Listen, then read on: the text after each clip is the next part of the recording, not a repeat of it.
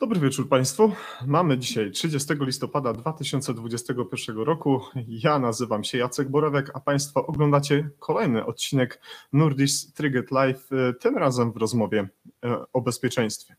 E, dzisiaj e, temat bardzo ważny, bardzo ciekawy i mm, myślę, że powodujący mm, wiele zainteresowań.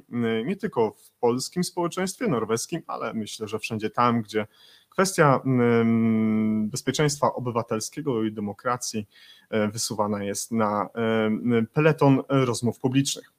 Drodzy Państwo, bardzo serdecznie dziękuję wszystkim tym, którzy udostępniają informacje na, na, o naszych wydarzeniach na swoich profilach społecznościowych. Dziękuję drodzy y, widzowie i słuchacze, że jesteście z nami. Jest to dla nas y, wielkim y, wsparciem, kiedy decydujecie się właśnie kliknąć udostępnij wydarzenie, czy udostępnij informacje o wydarzeniu. Nie ukrywam, że byłoby przepięknie widzieć Państwa regularnie na naszych profilach facebookowych, YouTube'owych, i Spotify, gdzie nasze podcasty są również nagrywane i oddajemy je do Państwa dyspozycji, tak więc można nas e, oglądać i można nas słuchać. A dzisiaj, e, drodzy Państwo, bezpieczeństwo obywatelskie. E, państwa i moim gościem będzie pan profesor Adam Bodnar, prawnik, nauczyciel akademicki, doktor habilitowany nauk prawnych, do niedawna mm, Rzecznik Praw Pacjenta, działacz na rzecz praw człowieka, e, kilka lat pracy w Helsińskiej Fundacji Praw Człowieka, rzecznik y, y, i, i również dziekan Wydziału Prawa Uniwersytetu SWPS w Warszawie. W związku z tym y, wydaje mi się, wręcz jestem przekonany, że właśnie osoba pana profesora jest Mm, najlepszą y, dzisiaj y, kandydaturą do tego, by o bezpieczeństwie obywatelskim porozmawiać. Tak więc zapraszam do studia pana profesora. Dobry wieczór, panie profesorze. E, dzień dobry panu, e, dzień dobry państwu. Ja bym proponował, jakby pan mógł do mnie mówić, nie wiem, panie Adamie, czy coś takiego, może to będzie łatwiej tak dla przebiegu e, konwersacji. A mi będzie niezmiernie miło, jeżeli będzie się pan do mnie na przykład zwracał Jacek, bo nadajemy z Norwegii, więc będzie mi również bardzo, bardzo miło. Panie, panie Jacku. Dobra, panie Jacku. Serdecznie dziękuję. Pozwoli mm, pan, panie Adamie, że przywitam naszych wszystkich widzów i słuchaczy, którzy już znaleźli się na naszym profilu, którzy będą mogli komentować nasze dzisiejsze spotkanie, ewentualnie zadawać pytania, y, które mm, dzisiaj dla y, y, na pewno same cisną się na usta, jeśli chodzi o nasze dzisiejsze spotkanie, a, a spotkanie zatytułowane jest Bezpieczeństwo Obywatelskie i, i, i tak jak w zapowiedzi powiedziałem, że jest pan chyba jedną z najlepszych osób do tego, żebyśmy porozmawiali o mm, tej definicji mm, właśnie mm, bezpieczeństwa. E, witam w Nordic Triget, witam ponownie w Norwegii, bo niedawno był Pan w Oslo z wykładem, do którego się dzisiaj będę chciał odwołać i, i, i proszę mi powiedzieć, gdzie dzisiaj Pan jest, skąd dzisiaj Pan do nas będzie mówił? No jestem w Warszawie, szczęśliwie jestem w domu akurat, ale tak naprawdę to miałem być miałem być w Greifswaldzie, to znaczy miałem e, mieć wykład w Greifswaldzie w Niemczech, ale wykład niestety się odbył już wczoraj w trybie online, także, także nie musiał, to prawdopodobnie o tej porze byłbym w drodze powrotnej z Greifswaldu, także teraz no niestety wracamy do wszyscy chyba do sytuacji takiej, kiedy granice znowu stają się coraz trudniejsze. Trudny czas, który, w którym musimy się odnaleźć na nowo. Myśli pan, że trochę łatwiej, bo już mamy y, doświadczenia z zeszłego roku, z poprzedniego e, tej fali e, problemu pandemicznego, czy to będzie zupełnie coś innego, jak pan uważa? Mam mieszane uczucia, ponieważ rzeczywiście no, wszyscy przyglądamy się temu, jak będzie się rozwijał ten, ta nowa odmiana, nowa mutacja wirusa. Ale z drugiej strony wydaje mi się, że to, co jest chyba najbardziej zaskakujące dla wielu, to to, że jednak szczepienia nie chronią wystarczająco. To znaczy już widzimy, że część osób, która przeszła szczepienia, e, dalej choruje na e, COVID, czasami nawet z dość mocnym e, przebiegiem. Miejmy nadzieję, że mm, Miejmy nadzieję, że oczywiście ta choroba nie spotka się z jakimiś potężnymi konsekwencjami. Na pewno więcej wiemy, więcej potrafimy, lepiej potrafimy siebie chronić, natomiast myślę, że cały czas ta choroba jest po prostu nieprzewidywalna i rozwój pandemii. Mhm. Wszystkim Państwu, którzy nas dzisiaj oglądają i którzy nas słuchają, życzymy bardzo dużo zdrowia i mamy nadzieję, że nie spotka Państwa absolutnie żadna krytyczna sytuacja związana z obecnym czasie, z obecnym czasem, ale oczywiście e, e, życzymy wszystkim, żeby nawet takie zwykłe jesienne przeziębienie trzymało się od państwa z daleka. Mm, panie Adamie, mm, wszystkich moich gości, których zapraszam do odcinka o bezpieczeństwie, zadaję jedno takie samo pytanie, po, na, następnie przechodzę do jakby konkretnych już spersonalizowanych.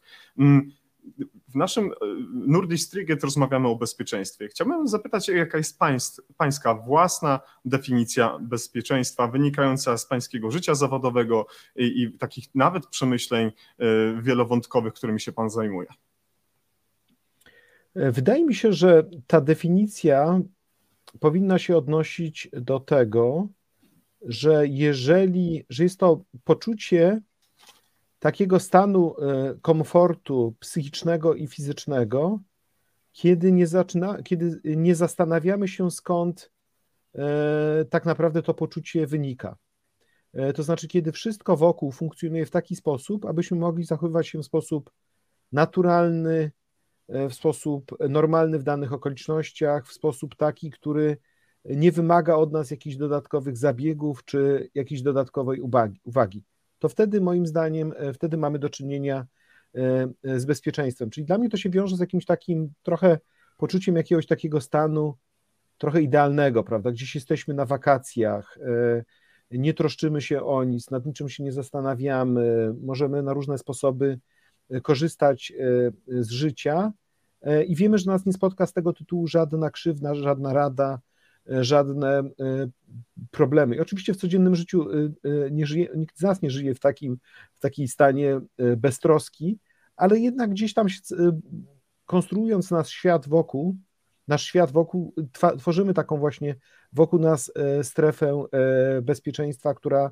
gdzieś nas przybliża do takiego upragnionego stanu komfortu, takiego, w którym możemy się skoncentrować po prostu na swoim zwyczajnym, codziennym, spokojnym, niezakłóconym życiu. Mm, dzisiaj chciałbym, kiedy przygotowałem dzisiaj scenariusz do dzisiejszego spotkania, mm, mm, oglądałem troszeczkę publikacji, czytałem pewne artykuły. Chciałem znaleźć konkretną y, y, definicję y, bezpieczeństwa obywatelskiego. Czy jesteśmy w stanie w sposób i akademicki, i również taki życiowy, praktyczny z, z, naszych doświadczeń, stworzyć takie elementy, które będą, albo może przybliżyć takie elementy, które będą tworzyć taką definicję i jakie to mogą być elementy? E, to znaczy, oczywiście, jeżeli chodzi już o to bezpieczeństwo obywatelskie, to doda, dodany jest ten przymiotnik obywatelski, tak? Czyli siłą rzeczy to musi się wiązać z naszym członkostwem we wspólnocie politycznej, z naszym zaangażowaniem z naszym wpływem na e, bieg spraw. E, myślę, że poczucie bezpieczeństwa obywatelskiego jest wtedy, kiedy nie jesteśmy przez władze niczym zaskakiwani, kiedy wszystko staje się dość przewidywalne i, e, i, i takie, że możemy przygotowywać się do zmian, że nawet jak te zmiany następują, to wiemy, jakie te zmiany będą, w jakim kierunku one będą podążały. Jesteśmy w stanie przeznaczyć określony czas na to, aby aby wejść w taki proces właśnie mhm. przygotowawczy. I co więcej, mamy też takie poczucie, że mieliśmy na to wpływ. Nie zawsze możemy się z tymi decyzjami zgadzać, ale e, ponieważ mieliśmy mm, wpływ na proces podejmowania decyzji, wtedy siłą rzeczy e, takie decyzje musimy zaakceptować. One nie powodują jakiegoś specjalnego zagrożenia dla nas. I to bezpieczeństwo obywatelskie też moim zdaniem wiąże się z tym, że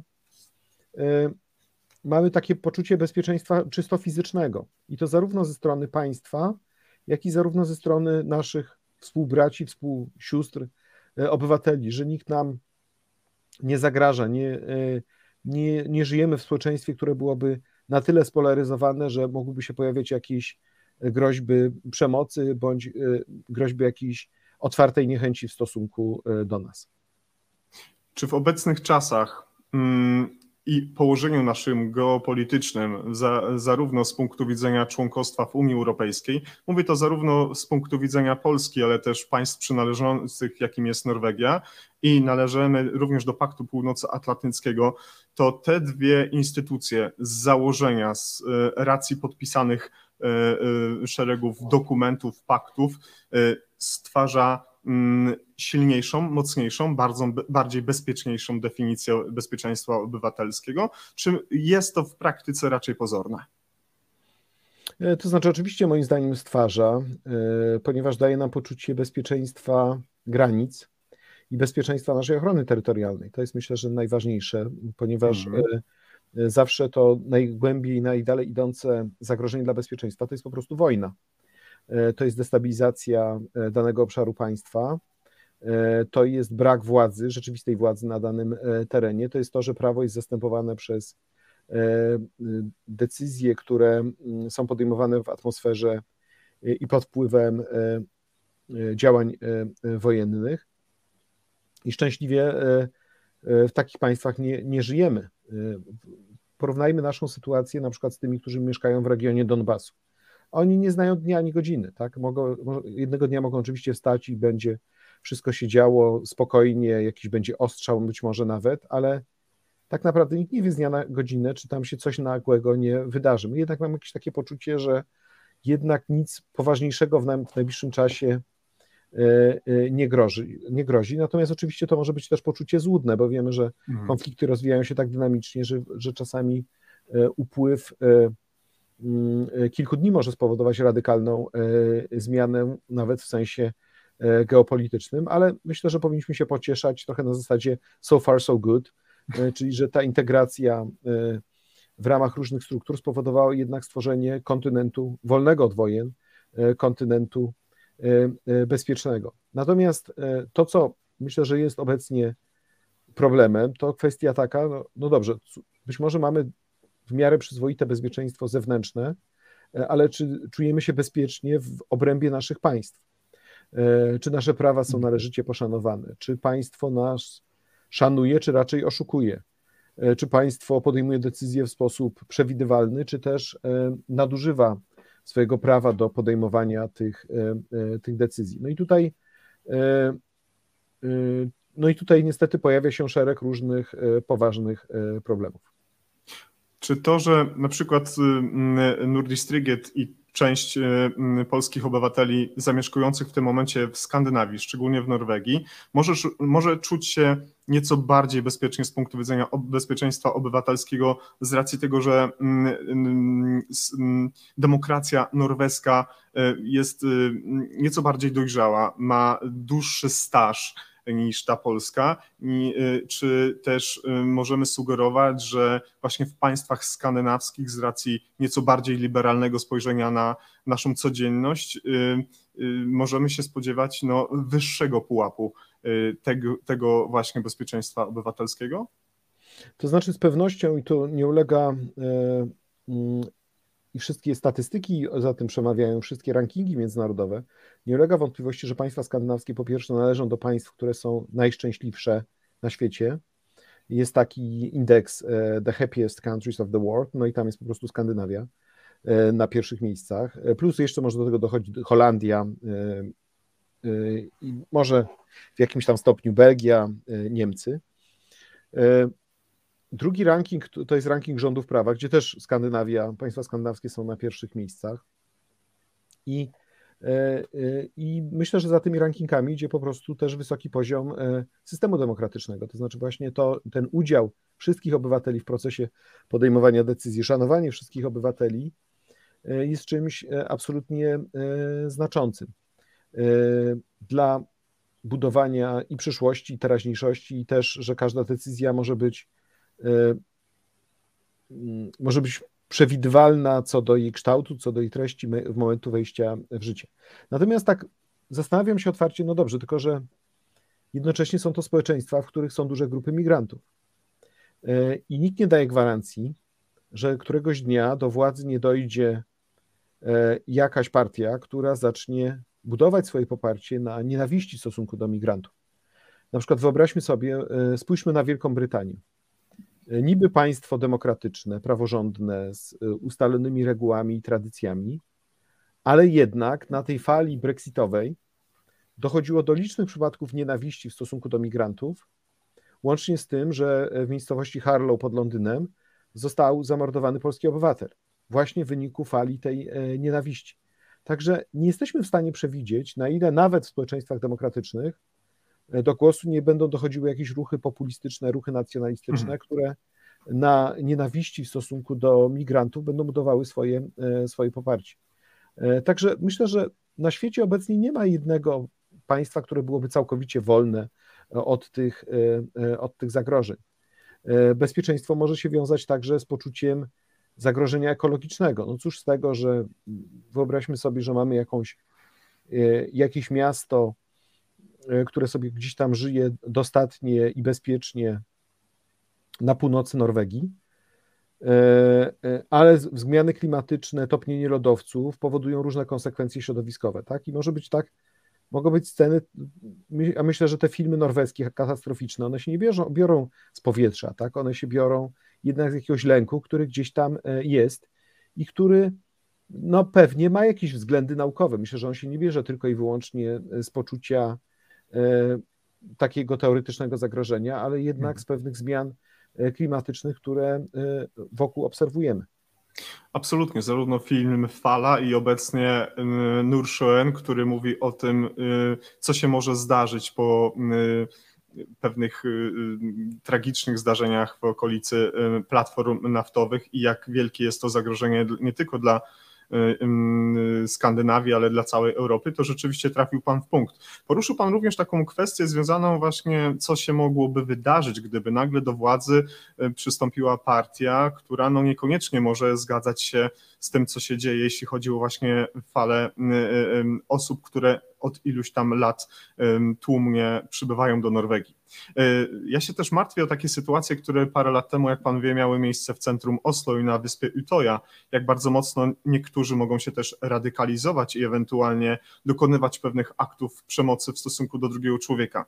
I tu się nasuwa pytanie, jak obywatele w swoim bezpieczeństwie obywatelskim mogliby nauczyć się albo powinni zwracać na takie uwagi, y, uwagę na takie kwestie, które, takie czynniki, które wpływają na to, że poziom tego bezpieczeństwa obywatelskiego zaczyna się troszeczkę chwiać. Y, bardziej martwi mnie, gdyby on zaczął spadać. Czy są jakieś typowe symptomy, y, które powinniśmy obserwować albo zauważyć y, bardzo szybko? To znaczy, ja oczywiście głęboko wierzę w to, że państwo demokratyczne radzi sobie z tego typu wyzwaniem, jak zagrożenie poczucia bezpieczeństwa, że po to ma, tworzy policję, e, sprawne służby specjalne, aby reagować na różnego rodzaju e, sytuacje. E, natomiast nawet takie, nawet najlepsze państwo nie jest w stanie uchronić się przed różnymi działaniami szaleńców i wydaje mi się, że no i akurat Norwegia jest tego przypadkiem, prawda? Mhm. Ale też jak nawet sięgamy do przykładu Polski, nie wiem, czy pan, pan, pan, pan, panie Jacku wie, że dwa lata temu mieliśmy mieć zorganizowaną Paradę Równości w Lublinie e, i na Paradę Równości w Lublinie przyszło małżeństwo, które miało ze sobą ładunek wybuchowy, tak? Mhm. I zostali oni co prawda gdzieś tam zidentyfikowani, później skazani, ale, ale to pokazuje, że w każdej sytuacji mogą się zdarzyć i przepraszam, to byli nie uczestnicy Parady Równości, tylko kontrmanifestanci, którzy Kontro, właśnie chciałem się zapytać, czy chcieli to... do, doprowadzić do mhm. jakiejś sytuacji przemocowej. Oni zostali za to skazani, ale y, państwo nie jest w stanie ochronić obywateli przed wszystkimi e, sytuacjami. E, I teraz mamy dwa wyzwania. Po pierwsze wyzwanie jest następujące, a mianowicie takie, że każdy z obywateli w pewnym sensie sam się za siebie też odpowiada, tak? Czyli musi, powinniśmy oczywiście zachowywać się swobodnie w przestrzeni publicznej, ale powinniśmy mieć jednak zasadę ograniczonego zaufania. E, I, I samemu też się nie narażać, jeżeli wiemy, że może nas spotkać jakaś krzywda czy jakieś niebezpieczeństwo, tak? E, jeżeli idziemy nocą, no to raczej w towarzystwie niż samotnie. W każdym państwie, w każdym mieście są jakieś dzielnice, które mogą kojarzyć się z większym poczuciem niebezpieczeństwa niż, e, niż z mniejszym. To są, myślę, takie mhm. podstawowe, e, podstawowe zasady.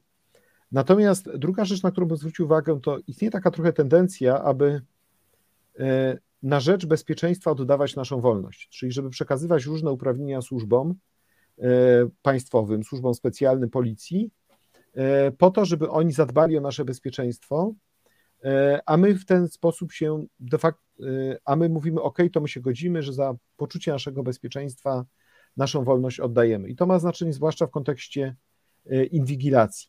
Mhm. No dobrze, tylko czy w ten sposób nie wylewamy dziecka z kąpielą? Czy w pewnym sensie oddając duże pole do ingerowania w naszą prywatność, nie pozbawiamy się także naszej wolności najzwyczajniej w świecie. Czy nie, przekra- czy nie idziemy w kierunku modelu chińskiego, gdzie władza dużo gwarantuje, ale mówi jednocześnie obywatelowi, ale mamy tak naprawdę pełną władzę nad tobą, nad twoimi ruchami, twoimi działaniami, twoim sposobem życia i co więcej, te nowe technologie, które drogi obywatelu nam dałeś do ręki i możliwość z nich korzystania, my wykorzystamy nie tylko po to, żeby chronić twoje bezpieczeństwo, ale żeby kontrolować twoje, e, twoje życie.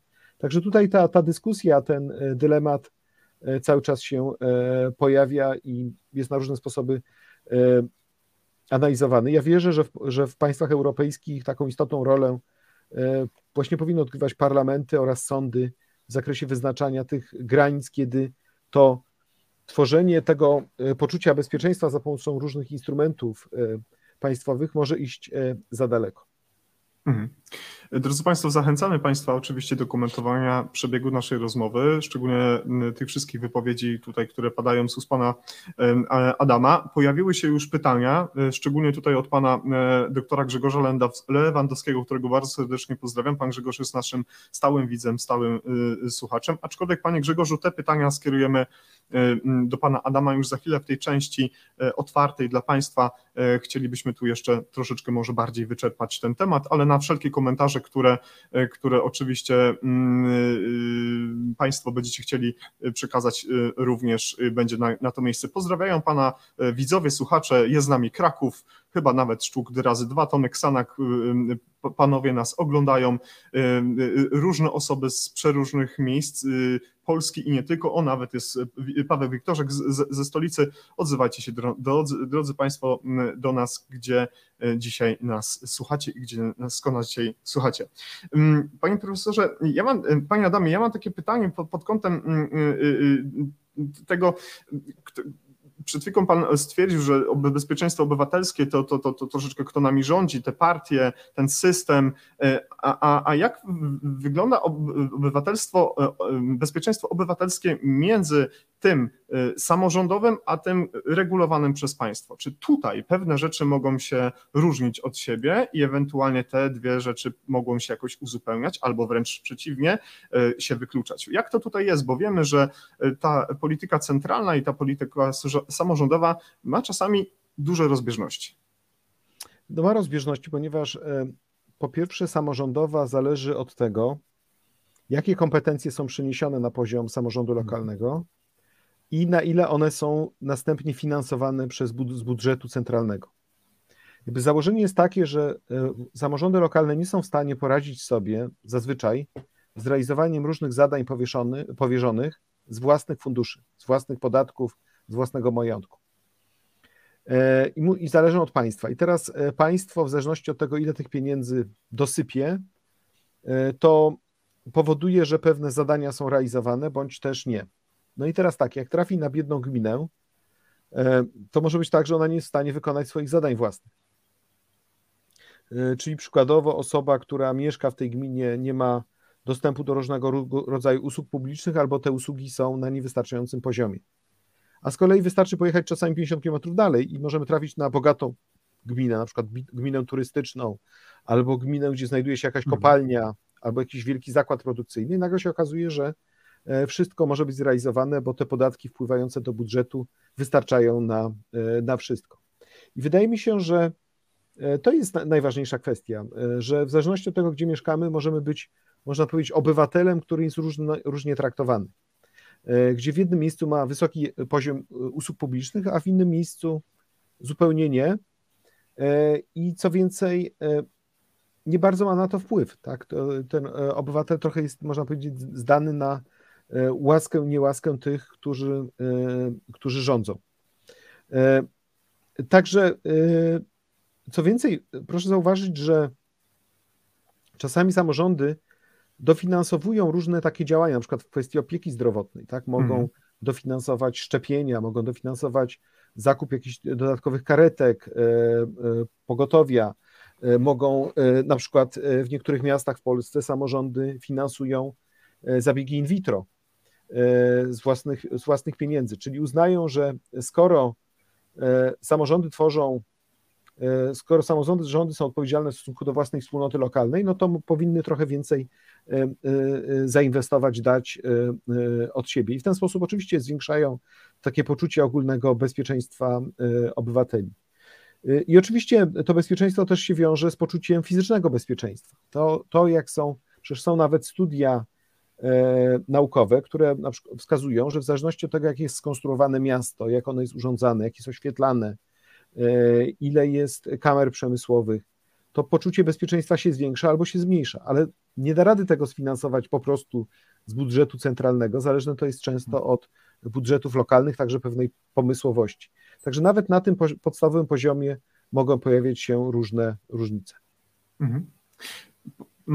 Chciałbym zapytać, jedną z zasadniczych, e, e, jednym z zasadniczych mechanizmów, które pozwalają nam zwiększać nasze bezpieczeństwo obywatelskie, jest oczywiście wybór osób, które nami może nie rządzą, ale są naszymi reprezentantami zarówno w samorządzie i e, w, w, w rządzie. Jakie jeszcze mamy mechanizmy, które bezpośrednio E, możemy trzymać w naszych dłoniach, używać je w odpowiedni sposób, żeby to powodowało, e, żeby powodowało to wzrost naszego bezpieczeństwa obywatelskiego.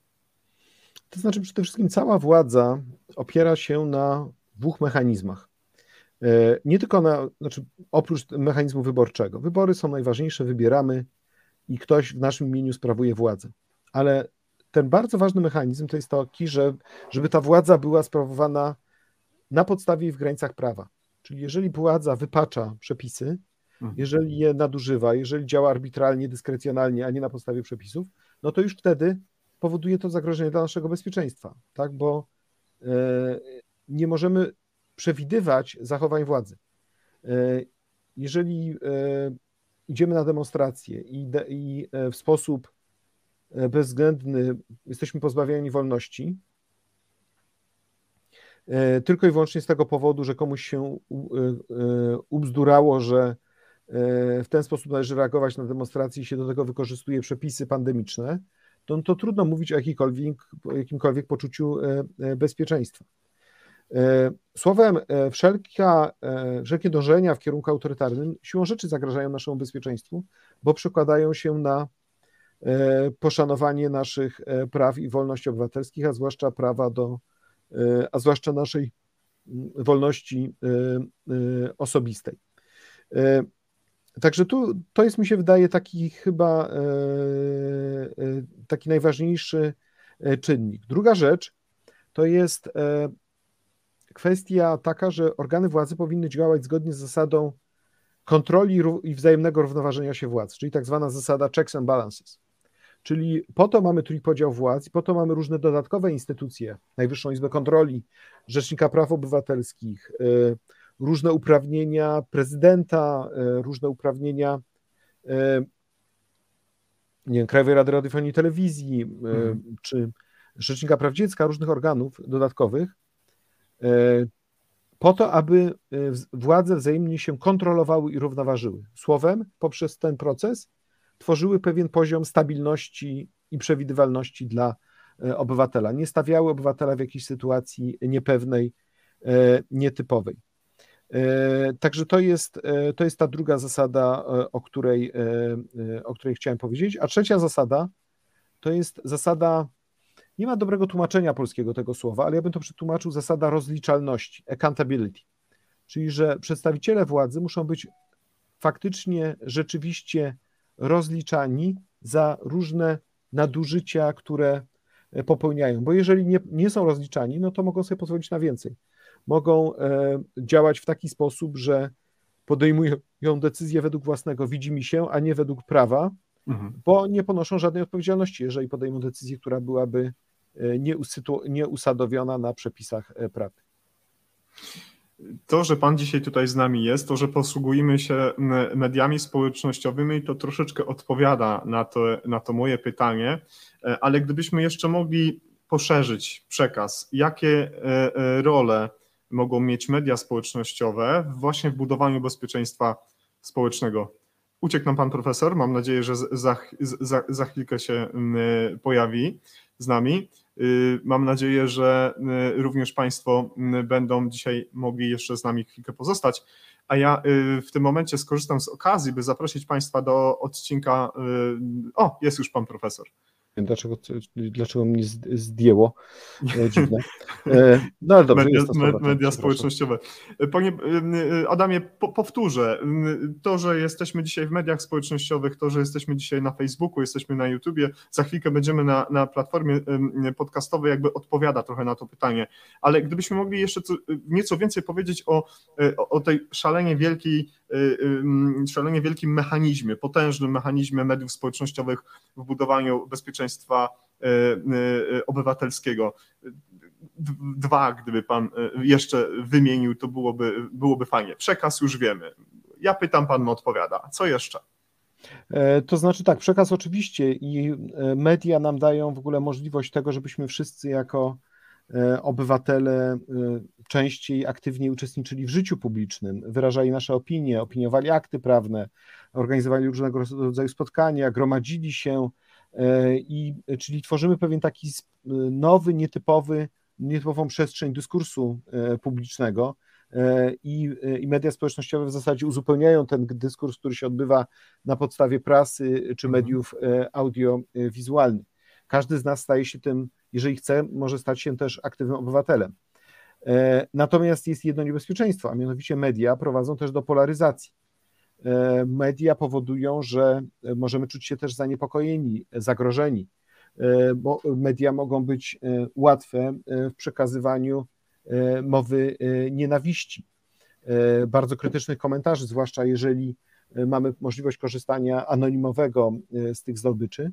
Co więcej, algorytmy, które są używane przez media społecznościowe, takie jak Facebook, czy, e, czy przez TikTok, czy przez Twitter, mogą powodować e, e, większe eksponowanie treści skrajnych, treści nienawistnych, treści, które mają pobudzać emocje, a nie treści, które są po prostu wyważonymi, stabilnymi opiniami. Także tutaj mi się wydaje, że jesteśmy na takim etapie, gdzie trochę się jeszcze cały czas tych mediów uczymy i badamy, jaki może być ich wpływ na funkcjonowanie współczesnego e, systemu demokratycznego. E, I myślę, że e, teraz ta debata w Europie jest zwłaszcza gorąca, ponieważ Unia Europejska zamierza przyjąć pakiet dyrektyw, tak zwany Digital Services Package, który ma się odnosić do właśnie tej siły oddziaływania mediów społecznościowych. Mm, 11 listopada bieżącego roku y, na zaproszenie Uniwersytetu w Oslo, dokładnie Areny, dokładnie Centrum Badań Europejskich, y, wystąpił Pan z wykładem, którego tytuł y, brzmiał W stronę polexitu, kryzys praworządności w Polsce, a kryzys egzystencjalny Unii Europejskiej. Pozwoli pan, panie Adamie, że wkleję link bezpośrednio na stronę Areny, gdzie y, jest tam cały pański wykład, gdzie można posłuchać zarówno części tej wykładowej i jest ten panel dyskusyjny, który, który y, był bardzo ciekawy. Miałem przyjemność tam być, słuchać tego wykładu i tam również padło zaproszenie pańskiej osoby do wystąpienia dzisiaj w naszym programie, za co chciałem raz jeszcze y, bardzo podziękować. Ale proszę mi powiedzieć, jak ten wykład, albo jak zawartość tego wykładu i tego przekazu, który Pan w, swoim wystąpieniu przekazał, wpływa bezpośrednio na nasze bezpieczeństwo obywatelskie. I tutaj szczególnie z, z naciskiem na, na Polskę, e, z racji tego, co się dzieje w kontekście pańskiego wykładu, no i tego, co mówi Unia Europejska i co odpowiada nasz rząd. E, bardzo ciekawe pytanie. Ja bym może na to odpowiedział na poziomie takim meta, E, czyli na takim poziomie najwyższym i na poziomie mikro. Mhm. E, czy może, może inaczej, na poziomie makro i mikro, tak będzie chyba lepiej. E, na poziomie makro to wszystko, co się dzieje w Polsce aktualnie, wpływa na zagrożenie kryzysu, na zagrożenie dla praworządności, dlatego że żeby sądy wykonywały naturalnie swoje zadania, dlatego aby sądy mogły skutecznie kontrolować władzę. I to może wręcz prowadzić do procesu e, stopniowego występowania Polski z Unii Europejskiej, e, a przede wszystkim e, podważania wiarygodności orzeczeń Trybunału Sprawiedliwości Unii Europejskiej i tego, co jest istotą porządku europejskiego, czyli tej współpracy sądowej, swoistej wspólnoty prawa, która tworzy się w obrębie całej Unii Europejskiej. No, integracja europejska nie byłaby możliwa, gdyby nie podejście do tego, że mamy jakieś jedno prawo, które nas wszystkich obowiązuje. I dlatego my przeciwko temu protestujemy w Polsce, ponieważ przynajmniej część ludzi protestuje, ponieważ uważamy, że to jest kwestia istotna dla nas, ważna, że jakiekolwiek e, wystąpienie Polski z Unii Europejskiej zagraża naszemu bezpieczeństwu, zagraża przyszłości naszych dzieci, e, może e, przesunąć Polskę w kierunku destabilizacji politycznej. Natomiast na poziomie mikro, ja bym chciał podać jeden bardzo konkretny przykład, który zresztą w czasie tego wykładu wskazywałem. A mianowicie przykład Sądu Rejonowego Westfold w Norwegii, który niedawno miał za zadanie rozpatrywać sprawę wydania obywatela Polski na podstawie europejskiego nakazu aresztowania. No i co zrobił sąd w Westfold? Sąd powiedział tak, ponieważ w Polsce mamy do czynienia z fundamentalnym, głębokim zagrożeniem dla praworządności, my nie możemy wydać e, tej osoby Polsce, bo nie, da, bo nie mamy gwarancji, że będzie ona miała prawo do, y, do rzetelnego sądu. E, i to było pierwsze tego typu orzeczenie. Co prawda ono zostało uchylone przez sąd drugiej instancji, natomiast teraz sprawa trafiła do e, Sądu Najwyższego. Ale wyobraźmy sobie, że Sąd Najwyższy idzie tropem sądu w Westfold.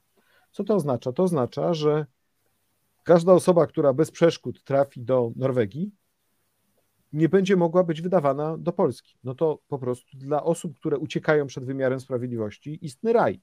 Tak? Wsiadamy do samolotu, lecimy, E, do Oslo, e, lądujemy na lotnisku Gardamon i po prostu hula i dusza piekła nie ma, e, bo nie będzie nas można wydać z powrotem do Polski. Będziemy sobie oczekiwali długie, długie lata na to, aż,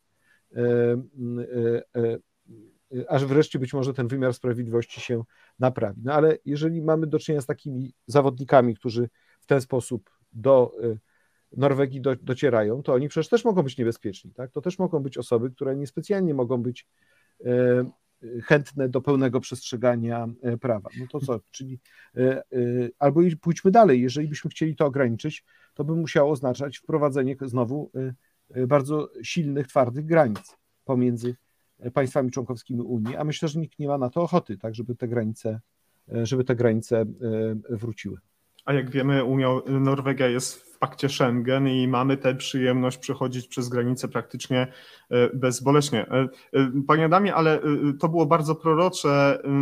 Szybko cofnę się w czasie do 2017 roku, kiedy był pan na ASP na Woodstocku, na Poland Rock Festival, przepraszam, kiedy wspólnie z panem Jarosławem Gwizdakiem, żeście między innymi na ten temat mówili i pan już mówił o tych zagrożeniach, które mogą być w przyszłości. To było 4 lata temu i pan to teraz powtarza zgodnie z tym, co e, właśnie sąd Westfall e, przekazał. I ten, e, ten mechanizm już był wtedy przez Pana dobrze, znaczy dosyć mocno podnoszony do takiego wysokiego poziomu. Dlaczego zatem tak się postąpiło, znaczy tak się podarzyło, jak się podarzyło w Polsce? Jakie zasadnicze rzeczy wpłynęły na to wszystko? To znaczy, tak naprawdę od 2017 roku no, następuje e, ciągła presja na wymiar sprawiedliwości. Czyli kolejne zmiany, e, które dotyczą polskich sądów, e, po prostu zagrażają ich niezależności. I od tego czasu no, bardzo dużo się zdarzyło. To znaczy, przede wszystkim powstała nowa, znaczy nowa obsada Krajowej Rady Sądownictwa, która ma wpływ na obsady sędziowskie, która jest w pełni podporządkowana Ministerstwu Sprawiedliwości, czyli władzy wykonawczej. E, powstały dwie nowe izby e, w Sądzie Najwyższym. Jedna z tych izb, Izba Dyscyplinarna, regularnie albo zawiesza sędziów, albo wszczyna, albo prowadzi postępowania e, dyscyplinarne w stosunku mm. do nich.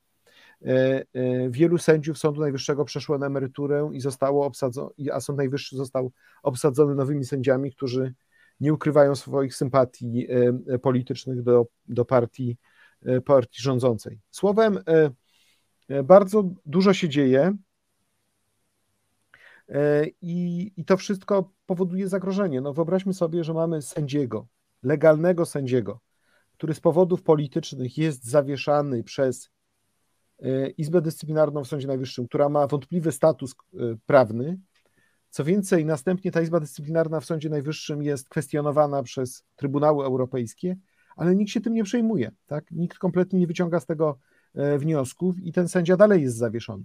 Mhm, e, no to w takiej sytuacji, jak widzi to sędzia norweski, no to mówi, no to gdzie ja będę wysyłał teraz tych e, ludzi do Polski, kiedy ja nie mam gwarancji, że ten ktoś będzie miał rzetelny proces. Ja nie mogę kogoś wysyłać do państwa, w którym będą jakieś procesy kapturowe, bądź do, do państwa, w którym sądy działają pod wpływem ministra sprawiedliwości, bo to jest wtedy też moja odpowiedzialność jako sędziego nie dość, że prawo mi na to nie pozwala, to jeszcze też zdaję sobie sprawę z tego, że ja w ten sposób nie mogę się po prostu e, pozbywać tych, którzy przed tym moim sądem stanęli, bo muszę wziąć odpowiedzialność za to, przed jakim sądem będą oni stawali, w jakim więzieniu będą siedzieli i czy te podstawowe prawa człowieka będą tej osobie e, zagwarantowane. Bo jednak e, poczucie takiego mm, świadomego decydowania o losie drugiego człowieka, szczególnie w rękach sędziów, czy prokuratorów, czy adwokatów, wszystkich tych, którzy dotykają litery prawa każdego dnia, jest pewnie wysokie. I tu pozwoli Pan, Panie Adamie, że postawię kropkę i zaproszę naszych widzów do tego, by zadawali pewne pytania, które już się pojawiły. Y, zacznę od ostatniego, chociaż Pan Grzegorz był pierwszy, ale Pan Janusz Adam Dziewiątkowski, którego pozdrawiamy, jakby zadał pytanie w nawiązaniu do Polski i Norwegii, więc pozwoli pan, panie Adamie, że od tego zaczniemy. I pan e, Janusz pyta. Pozdrawiam z Oslo. Pytanie do pana profesora. Jakie najważniejsze problemy w zakresie bezpieczeństwa obywatelskiego mogliby wskazać Polacy mieszkający w Norwegii i czegoś mogliby nauczyć swoich bliskich mieszkających w Polsce? Co byłoby tu najważniejsze e, według pana? Dziękujemy za pytanie.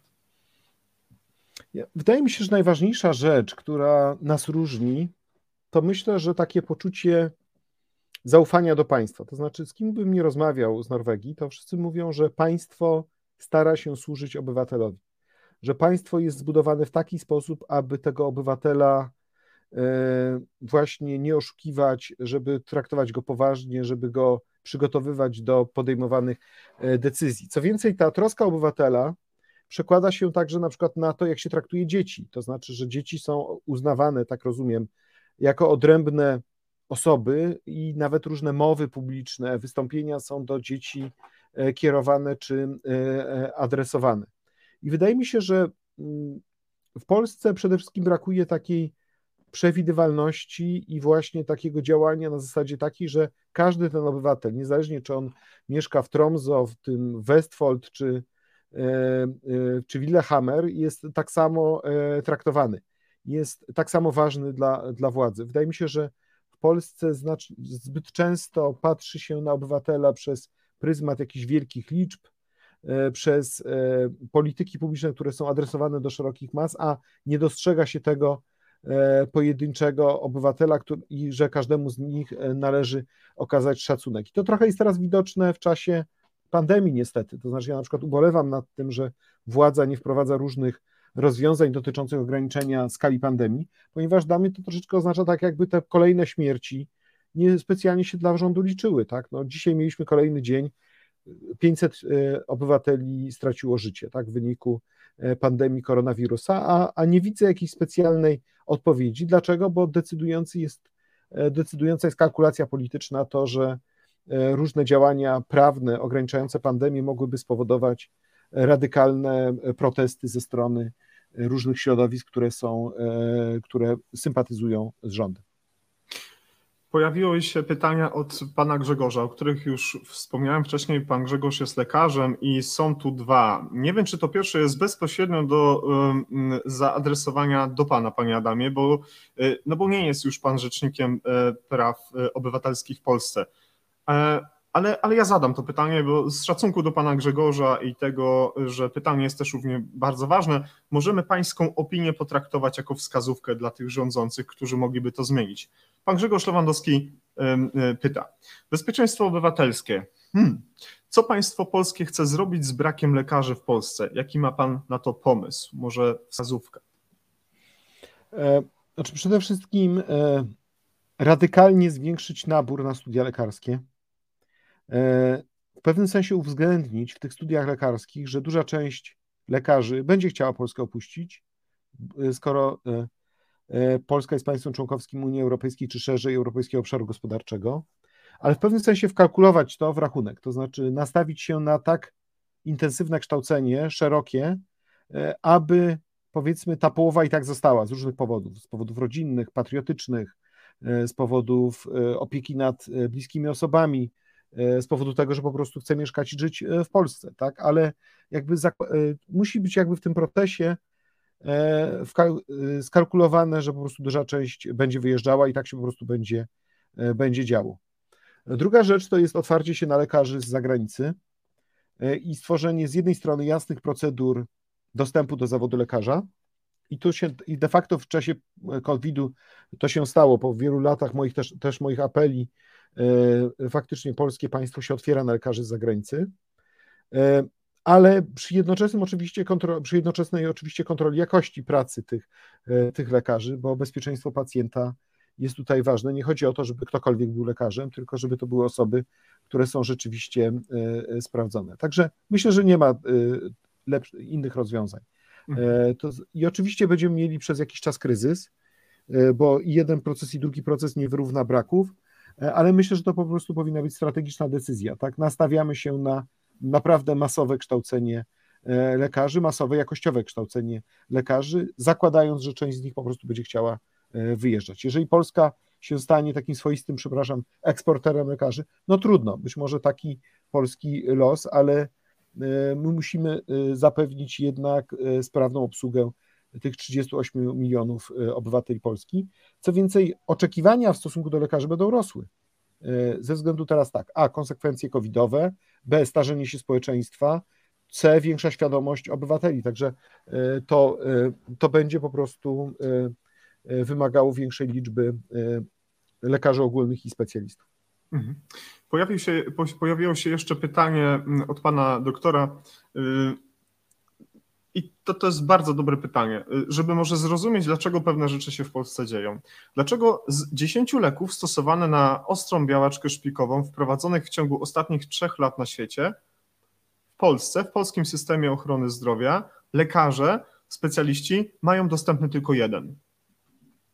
Trudno, trudno mi powiedzieć, nie znam się e, na tym. No podejrzewam, że być może jest jakiś zator e, w tej agencji e, rejestracji leków, tak? No bo rozumiem, lek ten musi być zatwierdzony i z jakichś powodów pewnie niektóre leki nie przeszły i podejrzewam, że to nie są powody związane z tym, że te leki są jakoś niewłaściwe, no bo skoro są zatwierdzone na świecie, to pewnie nie powinno być problemu z tym w Polsce, tylko myślę, że jest to prawdopodobnie, jak, na tyle na ile znam życie, jest to efekt jakiegoś może bałaganu organizacyjnego, może niedostatecznej kadry, która się zajmuje tymi rejestracjami e, leków, zbyt wolnymi e, e, procedurami, które właśnie dotyczą rejestracji leków.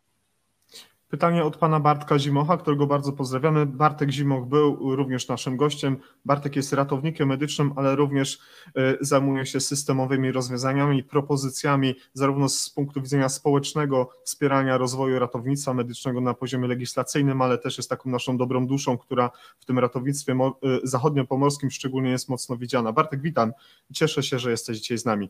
Pytanie takie, czy pandemia może być pretekstem dla obniżania standardów w podejściu do pacjenta poprzez znoszenie pewnych rygorów prawnych do tej pory obowiązujących?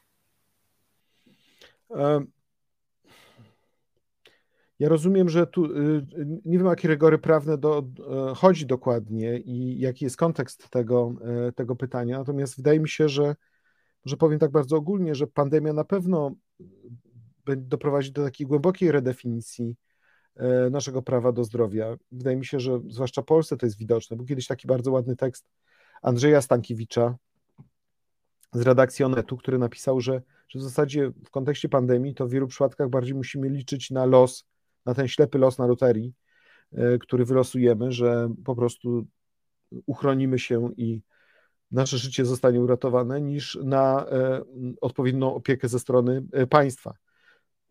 Mm, y, wiem, że wielu lekarzy, wiele pielęgniarek się angażuje w leczenie chorych, ale no, y, jeżeli system się w którymś momencie staje y, niewydolny, jeżeli zaczynamy lekceważyć potrzeby poszczególnych pacjentów, to, to nawet ci najlepsi no, nie naprawią tego, że system nie działa tak, jak powinien. Ja bardzo żałuję w kontekście pandemii, że jak do tej pory w zasadzie nie wyciągnięto jakichś poważniejszych wniosków z dotychczasowych etapów.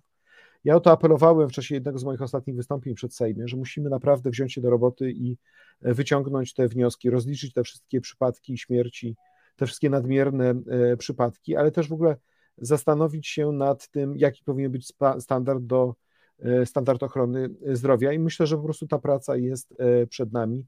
W tym być może także praca nad właśnie tego typu analizą naukową, czy na ile dochodziło do obniżenia standardów opieki zdrowotnej. Nie wiem, czy akurat może chodziło Bartkowi o to, ale może na przykład y, kwestię taką, że nagle zmienia się normę zatrudnienia personelu pielęgniarskiego przy łóżku chorego ze współczynnika takiego wyższego na niższy z racji dostępności. Y, może o to chodziło, ale jeżeli Bartek y, jeszcze chciałbyś coś więcej dopowiedzieć na ten temat, to zapraszam Cię, dopisz to w komentarzu. A Tylko pan, jeżeli Adamie, mogę dobrze. na ten temat, no bo akurat pielęgniarkami się zajmowałem, to znaczy przed pandemią, drodzy Państwo, mieliśmy taką sytuację, która w sposób jawny zagrażała bezpieczeństwu pacjentów, a mianowicie taki, że w Polsce bodajże przeciętny wiek pielęgniarki obecnie to jest chyba 51 lat. E, także to jest e, no, wiek absolutnie mm, nieprawdopodobny, biorąc pod uwagę potrzeby e, ochrony zdrowia. Co więcej, gdybyśmy z dnia na dzień zatrudnili wszystkie pielęgniarki tylko na jednym etap, etacie, to by zabrakło mniej więcej obsady w połowie szpitali i ośrodku, i e, ośrodkach opieki, e, ośrodków opieki zdrowotnej, ponieważ mamy do czynienia z prawą e, z, z problemem wieloetatowości, tym, że pielęgniarki pracują na dwa, trzy etaty. I to z kolei powoduje inną konsekwencję, a mianowicie bardzo długie godziny pracy, zmęczenie, wyczerpanie, wypalenie zawodowe, i to z kolei e, rodzi niebezpieczeństwo błędów medycznych i, e, i konsekwencji dla zdrowia i życia pacjenta. Wrócę jeszcze szybciutko do jeszcze jednego pytania, które zadał wcześniej pan Grzegorz. Umknęło mi to pytanie. Jeszcze było pytanie odnośnie, czy, czy też komentarz odnośnie pandemii. Panie Grzegorzu, panie doktorze, może jeszcze to odsuniemy na bok i jest tu, wydaje mi się, pytanie, które jest również y, bardzo ciekawe mm, pod kątem posiadania broni. W czasie II wojny światowej mieliśmy dosyć dużo broni w prywatnych rękach. Czy warto zmierzać w kierunku zwiększania dostępności do broni przez zwykłego mm, obywatela? Ja jestem absolutnym przeciwnikiem. To znaczy, jak słyszę tego typu postulaty, które czasami się pojawiają, e, głównie w Polsce w środowiskach e, prawicowych, środowiskach Konfederacji, czasami trochę w Prawie i Sprawiedliwości, to sobie tak myślę, drodzy obywatele, czy faktycznie nam to jest niezbędne czy potrzebne? No bo tak, spójrzmy na statystyki. Rok do roku mamy zmniejszenie się skali przestępczości, czyli nie ma jakiegoś czynnika, który by powodował, że musimy nagle zwiększać e, bezpieczeństwo obywateli na poziomie takim indywidualnym, skoro poziom przestępczości jest, e, się zmniejsza, a obywatele czują się coraz bezpieczniejsi. Oczywiście część z nas by pewnie chciało mieć takie poczucie tego indywidualnego bezpieczeństwa i to posiadanie broni z tym się e, kojarzy. Tylko, że e, posiadanie broni e, rodzi inne ryzyka, mianowicie tego, że ta broń zostanie wykorzystana w sposób nieuprawniony, w sposób, który mógłby prowadzić do zamachów bądź bo do przypadkowych pozbawień życia. E, I już teraz, drodzy Państwo, jakbyśmy nawet teraz przeanalizowali różne przypadki przypadkowych śmierci, to gdzie one się e, najczęściej dzieją? W czasie polowań. Nagle się okazuje, prawda, że ten myśliwy pomylił człowieka z dzikiem i kogoś, jakieś kolejne osoby e, na lotnisk, na, na polowaniach może zastrzelić. A teraz gdybyśmy jeszcze to poszerzyli na inne sytuacje, takie z życia prywatnego, to niestety by rodziło, rodziłoby to niebezpieczeństwo, że e, użycie broni byłoby powszechniejsze e, i, i moglibyśmy mieć różne sytuacje niebezpieczne. Może nie na taką skalę jak Stany Zjednoczone, ale niestety to może iść w tym kierunku. Także ja jestem radykalnym przeciwnikiem poszerzania dostępu do, do broni, biorąc pod uwagę te właśnie amerykańskie doświadczenia. Mhm. Pozwoliłem sobie, panie Adamie, w komentarzu do naszego wydarzenia wkleić informację, link dokładnie z Radia Nuance, y, gdzie tworzy Pan podcasty, tworzy Pan pewien kontent obywatelsko-prawny, gdzie zaprasza Pan gości, gdzie rozmawiacie między innymi na ten temat, czym dzisiaj jest obywatelska postawa. I tamte wypowiedzi, tamte komentarze i tamte osoby zapraszane rozkładają na czynniki pierwsze swoje doświadczenie zawodowe, które wpasowuje się idealnie w to, co chce Pan przekazać. W związku z tym pozwoliłem sobie ten komentarz w tym momencie wkleić i oczywiście zapraszam wszystkich Państwa bardzo serdecznie.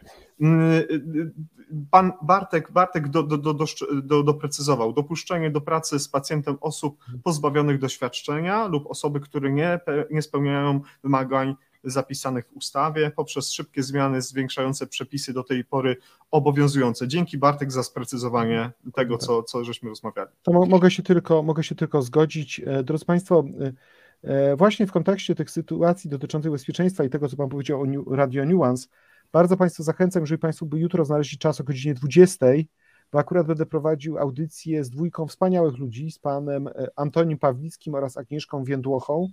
E, to są polscy aktorzy, którzy ostatnio bardzo aktywnie się e, e, pojawiają i angażują w sytuacji na granicy polsko-białoruskiej. Także będę rozmawiał z nimi o, o, o po prostu ich zaangażowaniu obywatelskim. Serdecznie Państwa zachęcam.